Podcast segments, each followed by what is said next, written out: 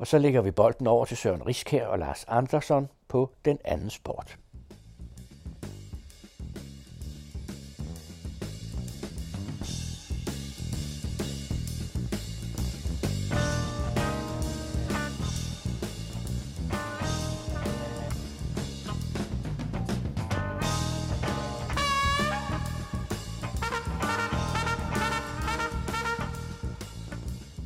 Velkommen til den anden sport på den anden radio. Mit navn er Søren Riskær. Og mit navn er Lars Andersen. I dag vil vi forsøge at kaste lys på et område, som faktisk ikke kun vedrører idrætten, men hele kulturlivet, forskningen, sundhedssektoren og meget andet, nemlig betydningen af de private fonde. Og til det formål har vi inviteret professor ved Syddansk Universitet, Bjarne Ibsen, i studiet. Velkommen. Tak. Bjarne er, kan man måske sige, idrætsforskningens grand old man, i hvert fald når det gælder den samfundsvidenskabelige idrætsforskning. Du har arbejdet meget med frivillighed, organisering, foreningsdannelse, forholdet mellem den offentlige og den frivillige sektor osv. osv. Og forud for, for den her undersøgelse, så har vi selv prøvet at skabe os et overblik over den økonomi, som fondene bidrager med til idrætten i Danmark. Og det har ikke været let, skal man sige. Det har næsten været umuligt. Vi har forsøgt at scanne sådan nogle af de største fonde på hjemmesiderne og lægge de donationer, der er givet til idrætten sammen. Øh, og flere fonde har faktisk også været behjælpelige med at skabe et overblik. Vi har kigget på Trykfonden, Nordea-fonden, Sallingfondene, Lauritsenfonden, AP Møller-fonden, Kirkfonden med flere. Vi har også forsøgt at afdække nogle af de andre fondes bidrag og fonde, som vi ved, der støtter idrætsformål, men som ikke umiddelbart har vil offentliggøre det. Så det tal, vi er nået frem til, der er altså alle mulige forbehold. Øh, for det første er det ret svært afgrænse, hvad er idræt, og hvad er til børns leg, og, og hvad er til natur og friluftsliv osv. Og så er der, nogen giver til anlæg, og nogen giver til drift, og nogen giver til både og, øh, og nogle er flereårige donationer, og nogle er kun etårige. Så der er mange afgrænsningsproblemer.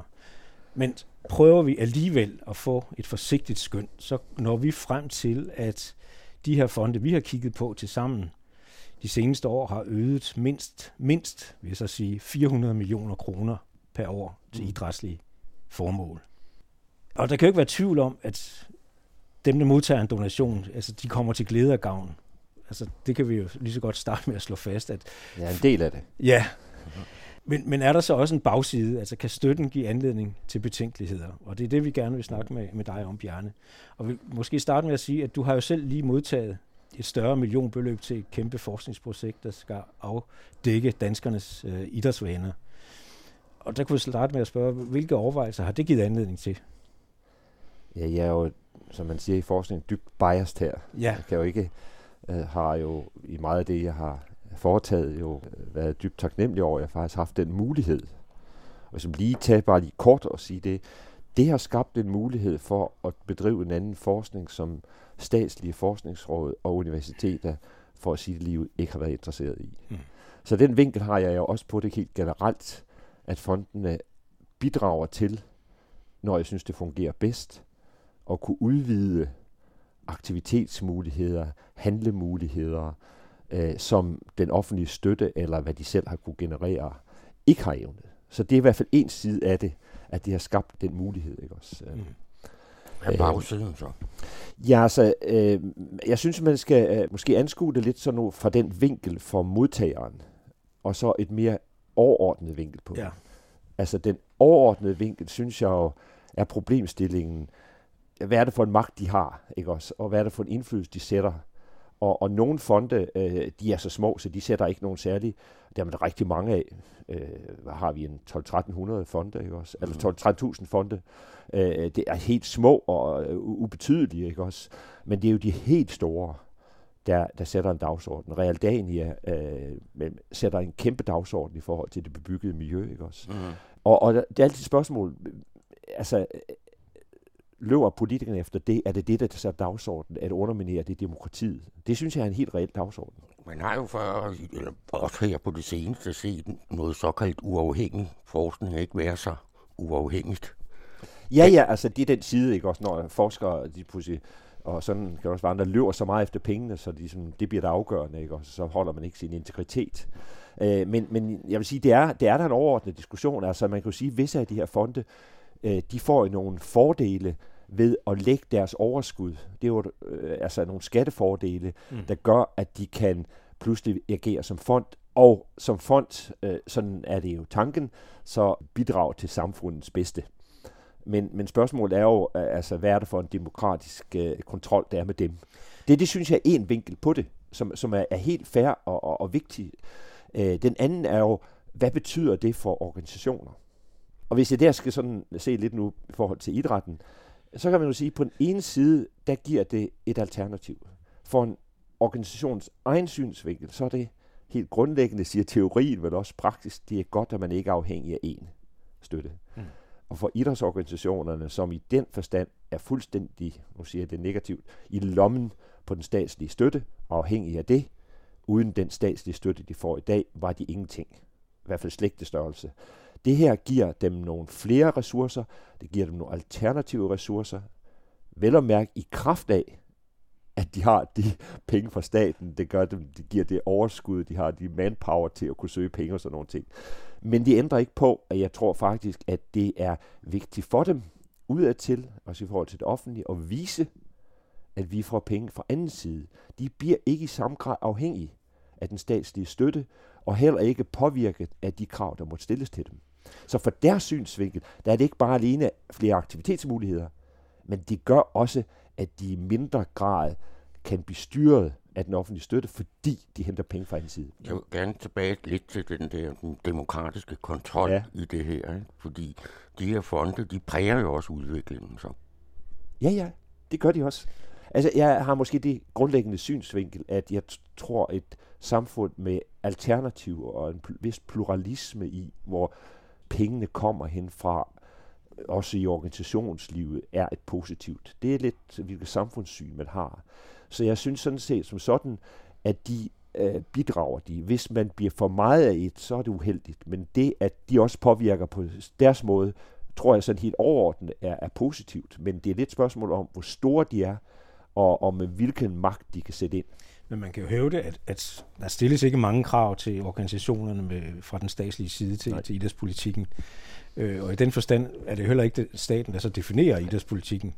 Og så Nej. går fondene måske hen pludselig og bliver mere definerende for den idrætspolitiske retning.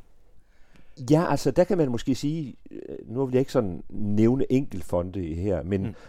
Men min overordnede indtryk er jo, at der for nogle fonde, der bliver det i stigende grad betydningsfuldt, at det er store ting, de støtter noget, der er synligt, fordi de gerne vil have en synlighed, der jo egentlig ikke er nødvendig for dem. Men det betyder noget for dem at have en synlighed. Og, og der kan idrætsorganisationer i nogle tilfælde jo i samarbejde med staten, altså de kan få store ting ud af, der får en meget stor synlighed. Og, og, og derved kommer de jo bare til at forstærke den magt, den indflydelse, som organisationer har, fordi det er dem, der kan give dem den synlighed. Altså, øh, lad mig så tage bare et, et enkelt eksempel på en fond, der faktisk øh, er, er statslig. Altså, da Lokal- og Anlægsfonden blev stiftet, der var der faktisk et krav, at man ikke kunne give støtte til idrætsorganisationerne. Det var ikke meningen med det. Det fik man så lige drejet, og, og så fik man eksempelvis DGI-byen blev jo til med støtte. Det er noget, der var til en i DGI, ikke også fordi man fik ændret det. Jeg synes jo på en måde, at det ville være interessant at sige, øh, skulle man ikke øh, lave en deal, i hvert fald når det var statslige fonde eller støtte, at, at man ikke kan give oveni, ikke også? At det skal gå til nogle andre.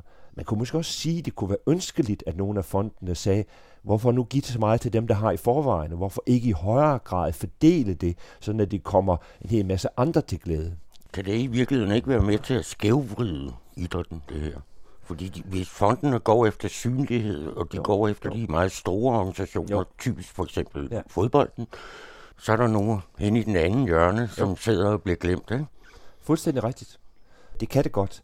Jeg vil bare nævne for, ligesom for balance i det. Altså, jeg har også rigtig gode eksempler på, at statens idrætspolitik meget benhårdt forhindrede, at visse kunne komme på udlodningsloven og så gik en fond ind bagefter og gav støtte til den organisation, der ikke fik. Og, og den forstand, kan man sige, det er der forskellige holdninger til, men, men skabt et alternativ, ikke også? Altså de i den forstand også kan medvirke til alternativerne. Men det eksempel kunne jeg i hvert fald forestille mig var Game, som er gadeidrætsorganisationen, ja. vi, vi har haft inde i studiet her, øh, som fik en stor donation fra Nordea-fonden. Men sagen er jo så også med de der donationer, de er jo tidsbegrænsede. Og derfor opstår der så problemet, hvis de, nu det er tre år for eksempel. Når de, de tre år er udløbet, hvad så? Ja, altså, men der kan man jo bare sige, at idrætten er i et helt, helt specielt i forhold til den øvrige statslige støtte ved, at idrætten er skrevet ind i udløjningsloven, hvor meget de skal have, og det, der skal rigtig meget til, før det bliver ændret.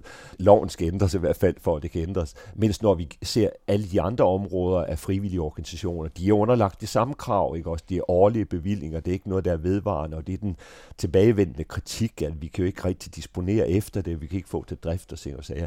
Så man kan sige, den måde fonde støtter på i dag, det er lidt det samme måde, som man støtter på det sociale område, på sundhedsområdet mm. og friluftsliv og hvad ved jeg, at det er sådan nogle midlertidige bevillinger, som man så kommer igen og prøver på at få igen. Ikke også? Men der kan man måske mere kritisere, at den måde staten støtter på til idræt, det er så fast, så de nærmest er fast på, de er mere fast end på finansloven næsten, altså det vil sige.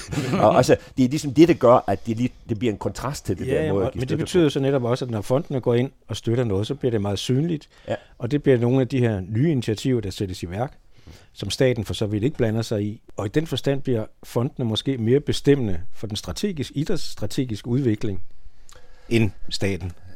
Ja, altså, øh, man, man kan måske sige det på den måde, at, at ja, fordi det er ligesom det, de måske, øh, tror jeg også, øh, tænker, at det er sådan noget, hvor vi lidt højere grad kan tage bestik af noget, der måske i virkeligheden ikke er så meget bestemt af vores egne medlemmer.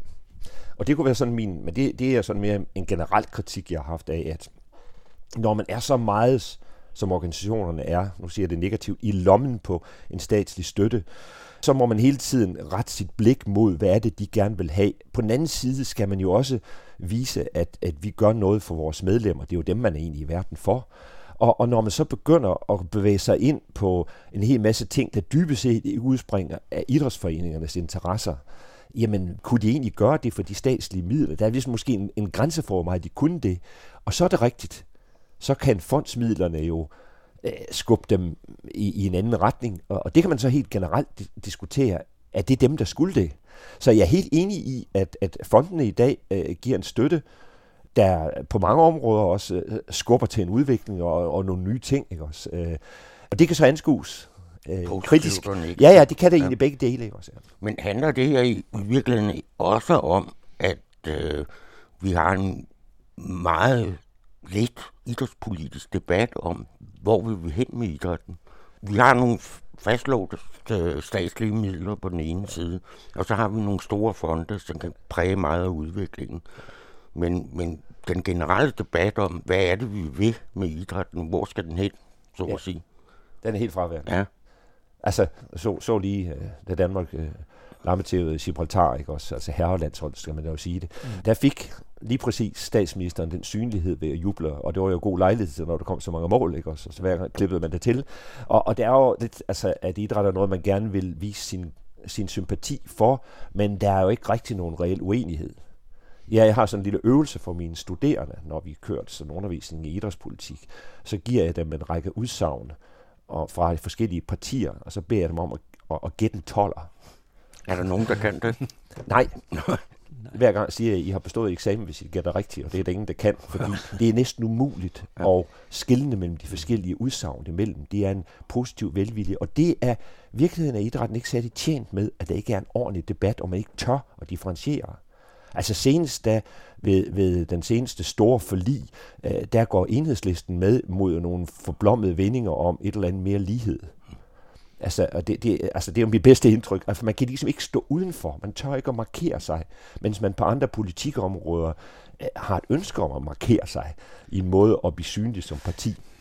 Hvad skyldes det? Jamen altså, det, det skyldes, det er sådan helt generelt, at uh, idræt er det gode, og det er ikke noget, vi behøver at markere nu. Jeg tror egentlig, den har været større uh, tidligere, men det skyldes også, at det er ikke ret højt politisk mm. på dagsordenen. Altså, det er ikke i Danmark, som det er i Finland, til dels Norge, andre lande, hvor der også er, er, er folk, der bliver valgt ind med en idrætsbaggrund, ikke, og så har et engagement i det.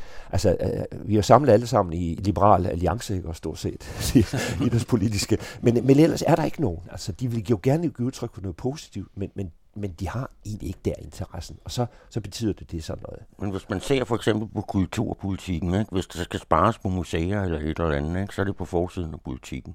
Hvis man skal fordele nogle udlodningsmidler, så er det Nej, men, men, men der er jo heller ikke nogen tidspunkt, hvor der for alvor skulle spares. Altså, jeg tror som nok, de kunne få nogle... Altså, øh, politisk tror jeg, man er, at man er bange for dem. Mm. Altså, man er bange for, fordi man har det der fornemmelse af, at, at de kan generere en frygtelig masse medlemmer. Og, og det, det, det er helt forkert. Jeg tror simpelthen ikke, de kan generere så meget, men det er den der opfattelse af, at når man kan samle så mange på et stadion, og man har så mange medlemmer, så, så de, øh, dem skal man ikke komme i, i slagsmål med.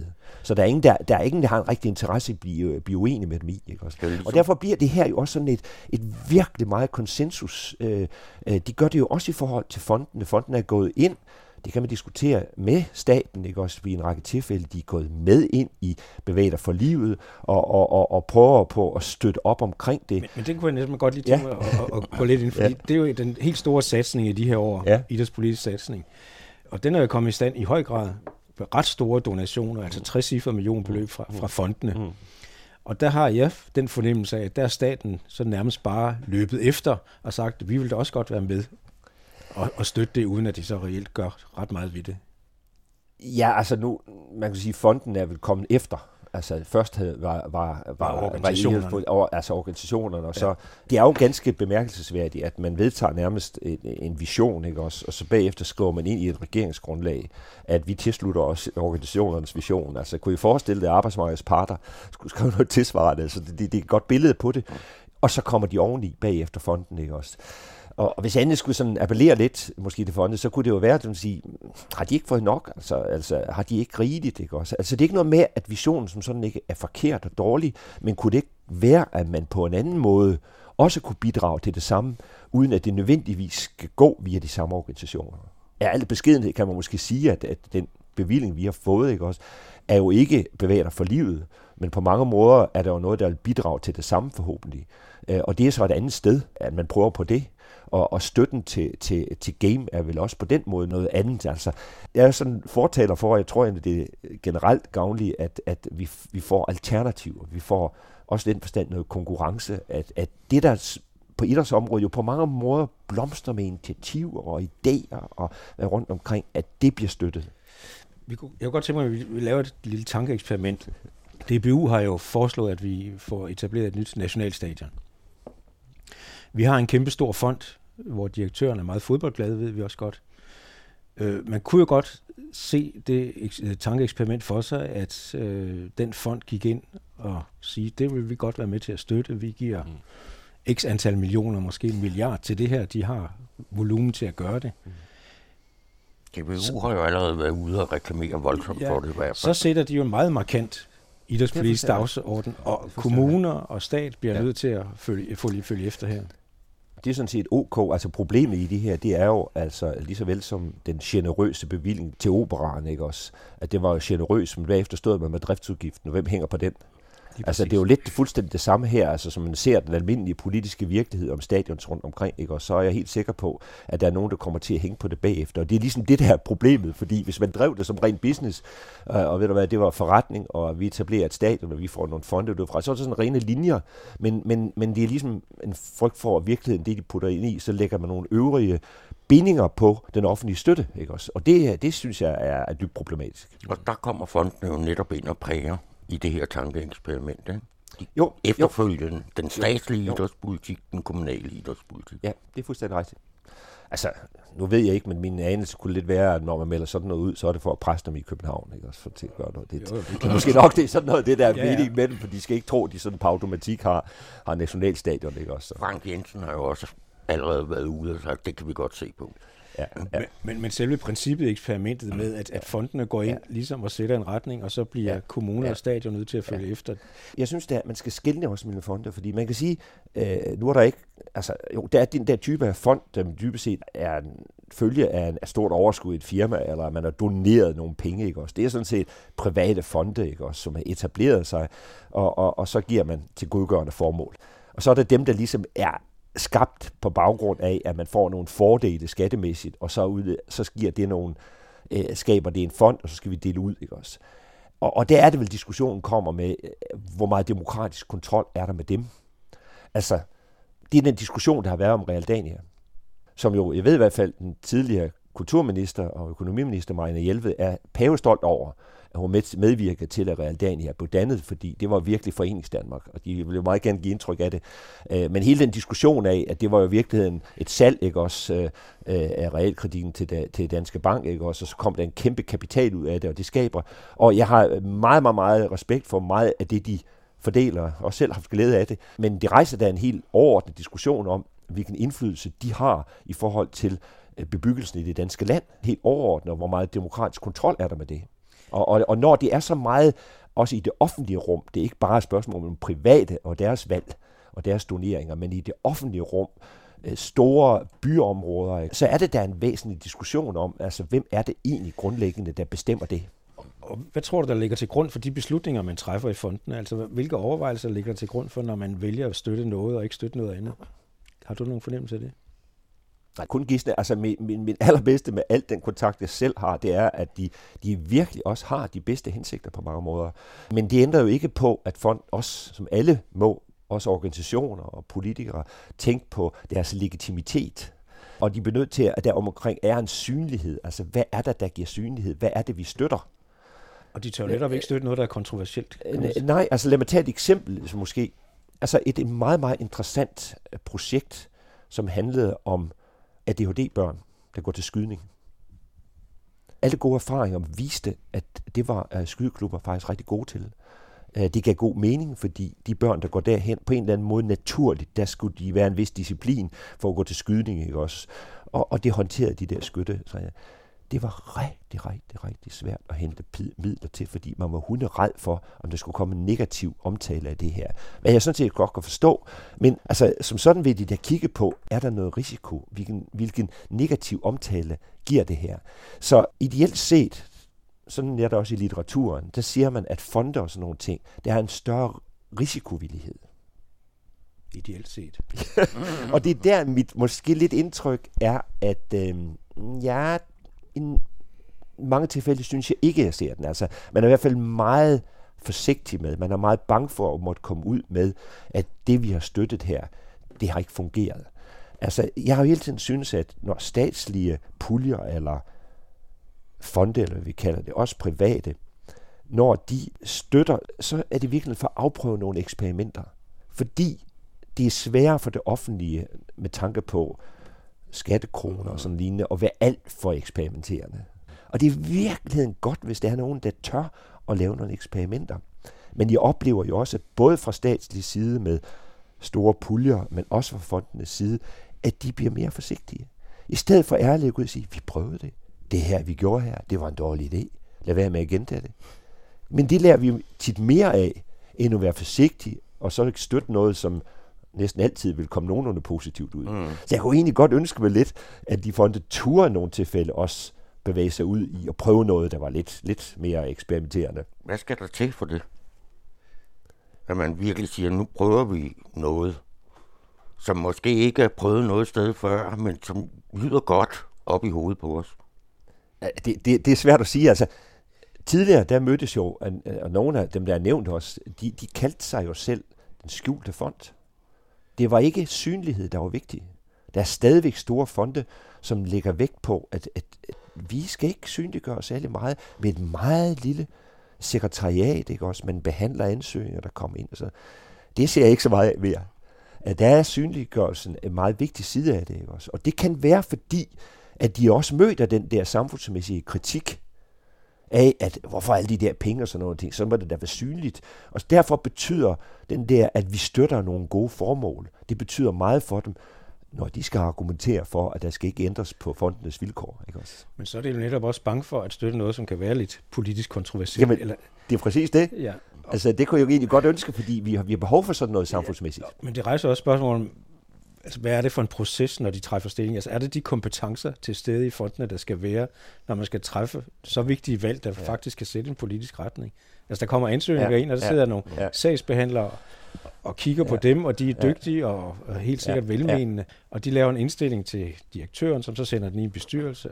Der er jo ikke, hvad skal man sige, nogen politisk diskussion af, hvad der, hvad der så skal ske de fleste, øh, i hvert fald de store fonde, de har et fundat, eller de har nogle retningslinjer, de vedtager noget, de i særlig grad gerne vil støtte, og det er jo en diskussion i en bestyrelse og sådan nogle ting. Og det tror jeg sådan set, der er, øh, nogle af de her fonde lægger jo meget vægt på, at de faktisk har regionale møder, de har generalforsamlinger, Dania, Trykfonden, øh, foreningsejet, og der diskuterer man, og der kommer forslag ind fra, fra medlemmer og sådan nogle ting. Så det er jo ikke fuldstændig løsrevet, sådan, sådan en lille bitte skjult fond, som det er i nogen, som ikke er, er foreningsdrevne. Ikke også? Så vi skal ligesom skænde lidt mellem det. Ikke også? Men det ændrer ikke på, at der tages nogle, nogle, øh, nogle øh, beslutninger om noget, og man kan spørge, hvor gode er de? Jeg, jeg, jeg tillader mig at sige, jeg tror sådan set, at de savligt fagligt er lige så gode som de valgt at tages i organisationer og tages i kommuner og i, i, i ministerier. jeg har egentlig ikke nogen grund til at sige, at de er dårligere. Men de falder stadigvæk tilbage. Altså, hvilken, hvilken magt har de i den beslutning? Ikke? Også jeg har sådan set og det meget fair for politiske beslutninger og organisationer, der træffer nogle valg, men stadigvæk, der kan de smides af. Ja, det er en demokratisk proces. Ja. Men risikerer, altså, altså, risikerer man ikke også meget en, en meget stivnet idrætspolitik? hvor vi har nogle fastlåste statslige midler, vi har nogle fonde, der går ind for synliggørelse og mm. så, så videre, så videre. Hvor er bevægelsen i det her? Jamen, jeg har jo længe været tilsmand for, at, at den offentlige, den statslige støtte til idræt i langt højere grad burde være bestemt af, hvad er det så at sige, at medlemmerne vil, og hvor meget gider de betale. Men det er sådan en større øh, analyse. Altså, når idrætten på det lokale plan, altså foreninger for støtte, så er det jo bestemt af, at de har nogle medlemmer. Altså man kan ikke bare få et fast beløb. Og hvis de skal have adgang til, til øh, i hvert fald i København i høj grad, til nogle faciliteter, så kræver det altså, at vi har nogle medlemmer. Ikke også? Øh, så, så det er ligesom bestemt af, hvor gode er vi. Det er du ikke på landsplan. Altså der får man, det står i mm, så en stor del, ikke også? Og men nu er man da sikret, at hvis det går ned, i, øh, vi ikke spiller for meget, så, så får vi kompensation for det og sådan noget. Det er jo en sikkerhed, som, som øh, alle andre statslige må meget gerne vil have, som ikke er bestemt af, hvor meget de præsterer. Og, og der er ikke noget med at sige, at jeg synes, at de ikke slet ikke laver noget godt. Men hvis de i højere grad fik penge efter, om de så at sige også blev honoreret for deres indsats fra nogle medlemmer, så kunne det være, at de i højere grad ville orientere sig mod, hvad de gerne ville, og, og, og, og tilgodese det. Nogen vil sige, at det blev mere konservativt. Det er jo den der opfattelse af, at medlemmerne er konservative, dem kan vi ikke overdrage noget til. Mm-hmm. Men sådan er det jo en demokratisk organisation, og så kan det jo godt være, at, at de må koncentrere sig om deres egne medlemmer, og så er der jo andre, der skulle gå stå for det andet. Altså. På den anden side ser man jo meget på lokalplan, meget inspiration og nye tiltag og sådan noget. Mm. Altså, jeg tænker på gadeidræt for eksempel, ja, og alle sådan nogle ja, ja. ting, som jo vokser op nedefra. Men der sker masser nedefra. Og, og, og man kan sige, det gode er, at sådan, organisationer er også gode til øh, at opfange det. Men, men, men jeg har hele tiden synes, at det måske ville være fair, at man, man, man i højere grad gav en mulighed for andre, som ikke ønskede at være en del af fonden. Altså hvis man kommer en ny organisation, der opstår med en ny aktivitet, og de også gerne vil have del i pengene, jamen øh, det er de meget svært ved. De skal så at sige tilpasse sig og blive en del af, af de organisationer, der er i dag for at få del i det. De kan så, få, se på skaterne og sådan De kan få på kommunalt niveau, kan man sige. De kan ja. få på kommunalt niveau, ja. ja. ja. Men så, så kunne man sige, at det var måske der, fonden havde en opgave at, at sikre de, de nye initiativer, der opstår. Ja, altså det, det ved jeg også, nogle af de her fonde, vi snakker om, altså de er faktisk lidt optaget af, at nu skal vi synliggøre os over hele landet. Så en opfattelse af, at vi skal ud alle steder. Vi skal jo rundt i hele landet. Fordi øh, at det måske ikke er det, man tror, der er synligt øh, fra København, og mange lever i København. Det er ikke nødvendigvis øh, skaber stor synlighed i Nordjylland på Fyn, vel? Øh, og derfor højere grad vil ud alle steder, ikke også? Men der er jo nogle af de her fonde, de giver jo også altså, til mange andre gode formål, og de virkelig, altså studerende, der skal ud og rejse, og hvad ved jeg, og de søger og alt muligt. Men, og det er, jo, det, er jo, det er jo en gave, at det er den mulighed, men det er jo ikke noget, de kan synlighed.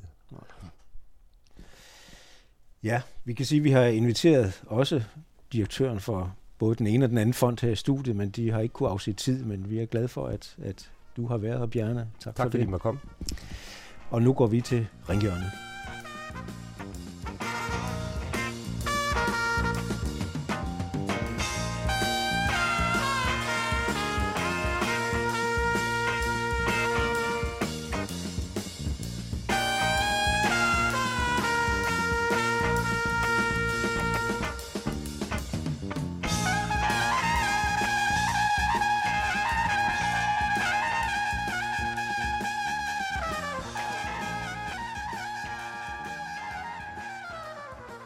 Så er Lars og jeg gået i ringhjørnet.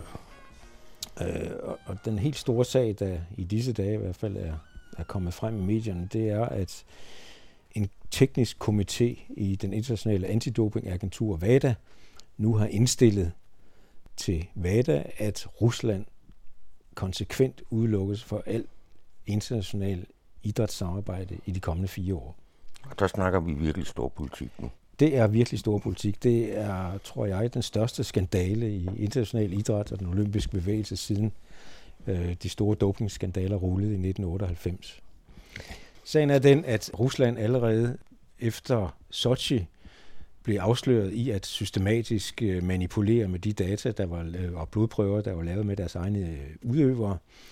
Og det førte til en lang proces og diskussion om Rusland skulle udelukkes fra OL i 2000 og 16 i Rio. Og det russiske antidopinglaboratorium blev lukket ned, og øh, alle data der blev indefrosset. Og der var en lang diskussion om de data skulle udleveres til VADA eller ej, og Rusland forsøgte at forhindre det, og i hvert fald forlænge det mest muligt og forhale det. Men til sidst blev de udleveret. Og de data har man nu gennemgået i den her tekniske komité. Og så viser det sig, kan den her komité afsløre, at russerne simpelthen systematisk har manipuleret med de her data. Ikke alene har de slettet nogle data, og de har ændret i nogle data, og de har ændret datoer. De har simpelthen også fabrikeret nye data, som skulle øh, intimidere den whistleblower, der startede hele lavinen, og ligesom prøve at antyde, at, at han har en, en falsk dagsorden. Så derfor indstiller komiteen helt utvetydigt, at nu skal Rusland udelukkes fra al international idræt, og de store begivenheder, de har fået tildelt, skal fratages dem, og de skal heller ikke have nogle nye begivenheder i de kommende fire år. Jeg må sige, at i den tid, jeg har arbejdet med VADA, jeg har selv været involveret i arbejdet og siden fulgt det fra sidelinjen, der har jeg aldrig set en så entydig indstilling i det her system, øh, så utvetydig og så konsekvent, øh, fuldstændig renset for diplomatiske vendinger og, og tekniske forbehold. Så det er meget interessant at se, hvad der nu skal ske. Og hvad stiller bestyrelsen så op med det? For de har møde den 9. december. Ja, øh, forretningsudvalget kan næsten ikke undgå os, men det bliver spændende at se. Men de, jeg kan ikke se andet end, det bliver svært for dem at komme ud af det her og sige andet end, at, at de er enige i det her.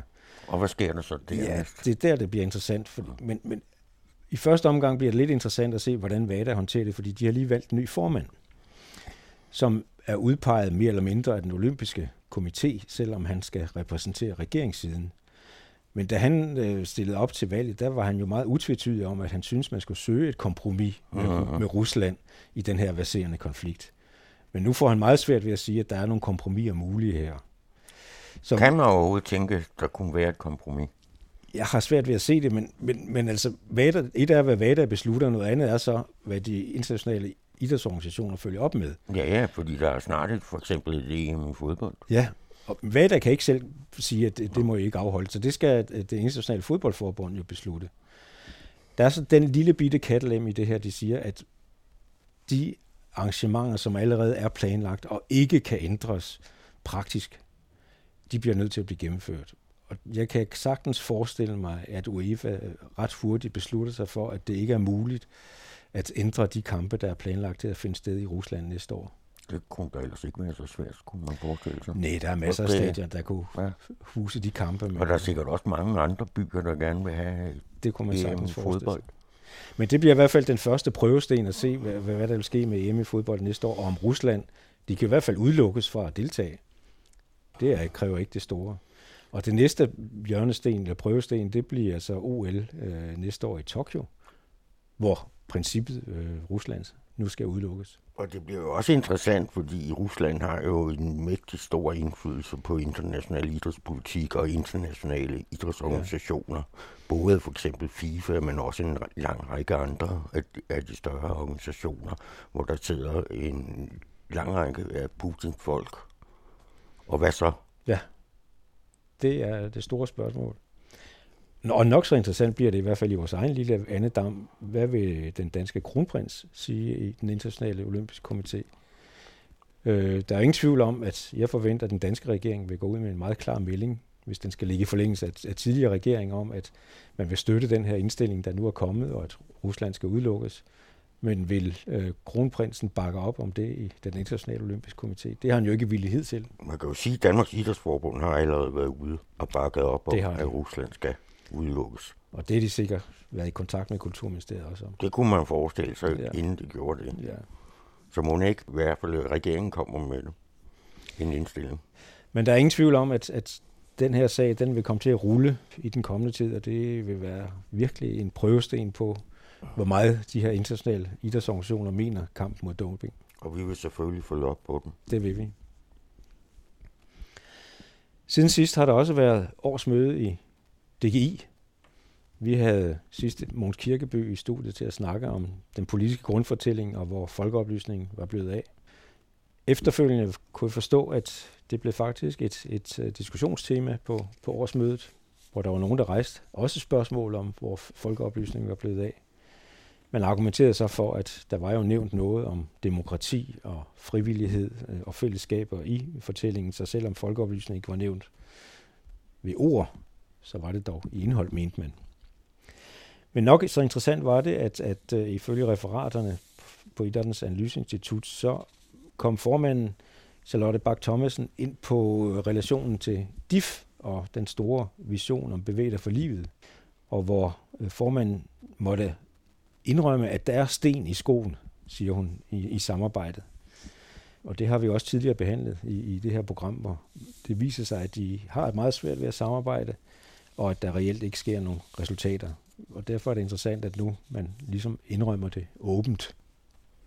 Så det er mere interessant, hvad gør man så ved det? Ja. Med alle de penge, man har brugt på bevægelser på livet. Og som man har fået fra fondene her. Ja. ja.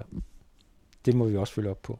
Men man kan vel sige, et eller andet sted er det jo også positivt, at der er lidt forskellighed i idrættens verden.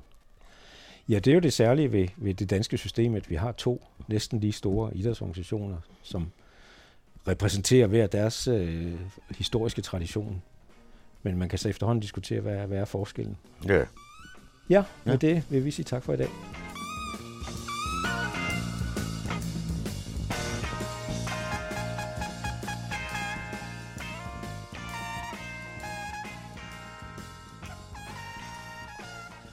I hørte Søren Riskær og Lars Andersson i den anden radios program Den anden sport.